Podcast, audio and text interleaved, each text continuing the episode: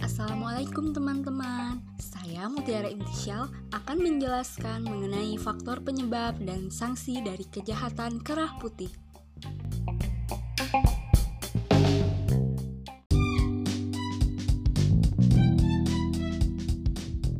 Kejahatan kera putih merupakan persoalan yang sangat rumit di dalam kehidupan berbangsa dan bernegara. Kasus-kasusnya telah banyak terjadi dan akibatnya negara dirugikan miliaran rupiah. Lalu, apa sih faktor penyebabnya? Dan apakah teman-teman mengetahui sikap seperti apa yang mendorong seseorang sehingga melakukan kejahatan kera putih?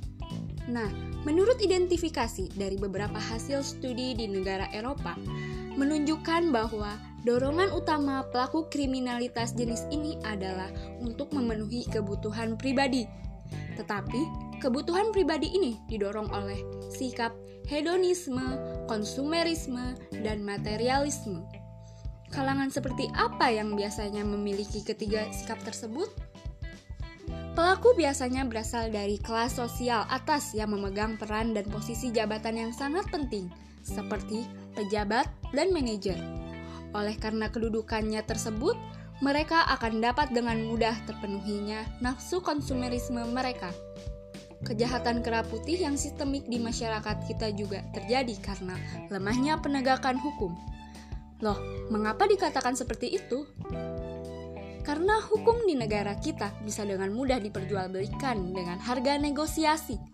Kejahatan kera putih seakan berjalan sendiri dan menetapkan kebijakan sejauh dapat memberikan peluang kepadanya untuk terus melestarikan kepentingannya. Dengan ditopang oleh keuangan yang memadai, mereka beranggapan bahwa dirinya kebal hukum dan seolah-olah apa yang dilakukan adalah benar.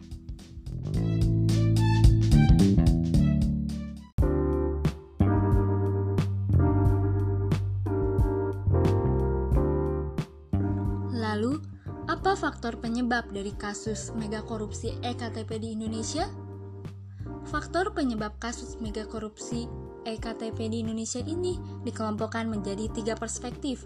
Di antaranya adalah satu, perspektif ilegal, yaitu kelemahan proses penentuan program di kementerian, kelemahan proses penganggaran di DPR, kelemahan proses pengawasan internal, dari BPKP dan eksternal dari BPK dan KPK. Yang kedua, perspektif institusional yang di antaranya pembahasan anggaran di Komisi 2 DPR RI berlangsung tertutup. Konsinyering program di Kemendagri bermitra dengan Komisi 2 DPR RI juga berlangsung tertutup Pelaksanaan tender pengadaan barang dan jasa pemerintah di LKPP berlangsung online, namun dimungkinkan terjadi komunikasi atau negosiasi di balik proses formal. Pelaksanaan program pengadaan barang oleh BUMN dan konsorsium swasta berorientasi pada output fisik, tidak berorientasi pada manfaat atau outcome program yang lebih luas. Yang ketiga, perspektif politikal yang disebabkan karena tidak ada pengawasan publik terhadap kepentingan tersembunyi partai politik. Tidak ada aturan tegas antara konflik of interest antara politisi dan pengusaha. Pimpinan Komisi 2 DPR melobi semua unsur fraksi atau partai yang menentukan proses pengesahan program dan anggaran EKTP. Setelah program disetujui dan anggaran cair, maka proses pembagian fee dilakukan melalui ketua fraksi masing-masing. Semua unsur pelaku saling melindungi karena telah mendapat manfaat atau fee dan berkontribusi pada penyimpangan sistemik yang disebut trap of guilty. Hal itulah yang menyebabkan kasus mega korupsi EKTP ini terjadi di Indonesia.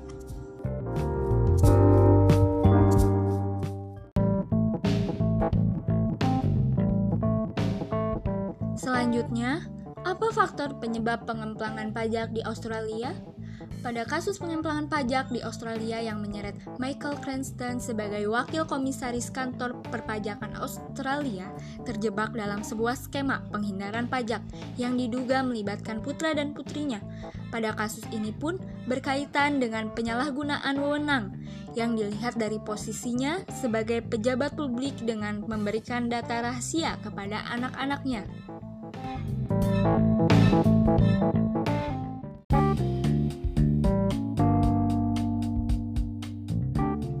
berikutnya berbicara mengenai sanksi. Sanksi apa saja yang dapat dikenakan apabila seseorang terlibat dalam kejahatan kera putih? Agar tindak kejahatan yang sama tidak terulang kembali, maka pelaku kejahatan kera putih dapat diberikan sanksi yang di antaranya adalah 1. Pelaku dipermalukan di muka umum Hukuman ini dianggap paling efektif, mengingat walau bagaimanapun seorang pejabat maupun eksekutif dari suatu perusahaan tidak ingin dirinya dipermalukan di muka umum. Oleh karena itu, individu tersebut harus diupayakan semaksimal mungkin agar dapat dibawa ke pengadilan, di mana individu yang bersangkutan akan menjalani sidang yang terbuka untuk umum dan bahkan biasanya juga diliput oleh beberapa media massa. 2. Pengucilan terhadap pejabat atau eksekutif tersebut. Pejabat atau eksekutif yang dinyatakan bersalah sebaiknya dikucilkan dari pekerjaan dan bisnis yang bersangkutan serta dimasukkan ke dalam daftar orang yang tercela. 3. Denda diperberat besar dan beratnya seharusnya jauh berkali-kali lipat dari keuntungan yang didapat dari hasil kejahatannya, sehingga hal tersebut akan memaksa mereka untuk berpikir dua kali bila mana ingin mengulangi kembali kejahatan yang sama. 4. Pelayanan masyarakat Hukuman yang berupa pelayanan wajib kepada masyarakat dalam hal ini diberikan kesempatan bagi para pelaku tindak pidana kejahatan keraputi untuk memperbaiki diri, sehingga pada akhirnya, mereka diharapkan dapat sadar akan perbuatan jahat yang telah dilakukan. 5. Intervensi pemerintah atau pengadilan harus diupayakan adanya kewenangan pemerintah atau pengadilan untuk masuk ke dalam institusi atau perusahaan bila mana di dalamnya telah terjadi hal-hal yang melenceng dari ketentuan atau peraturan yang telah ditetapkan sebelumnya Hal ini ditujukan untuk mencegah agar kerugian pihak-pihak tertentu tidak semakin besar atau parah.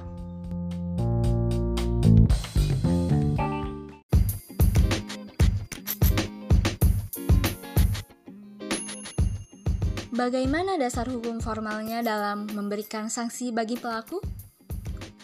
Jika kita meninjau dari pasal 2 dan pasal 3 Undang-Undang Tindak Pidana Korupsi dapat diartikan bahwa seseorang yang tidak memiliki jabatan apa pun yang bisa menentukan kebijakan anggaran dalam kaitannya dengan pengelolaan keuangan negara, maka pasal tersebut tidak dapat dikenakan. Sehingga pasal yang bisa diberlakukan ialah pasal 5 dan pasal 12 tentang gratifikasi.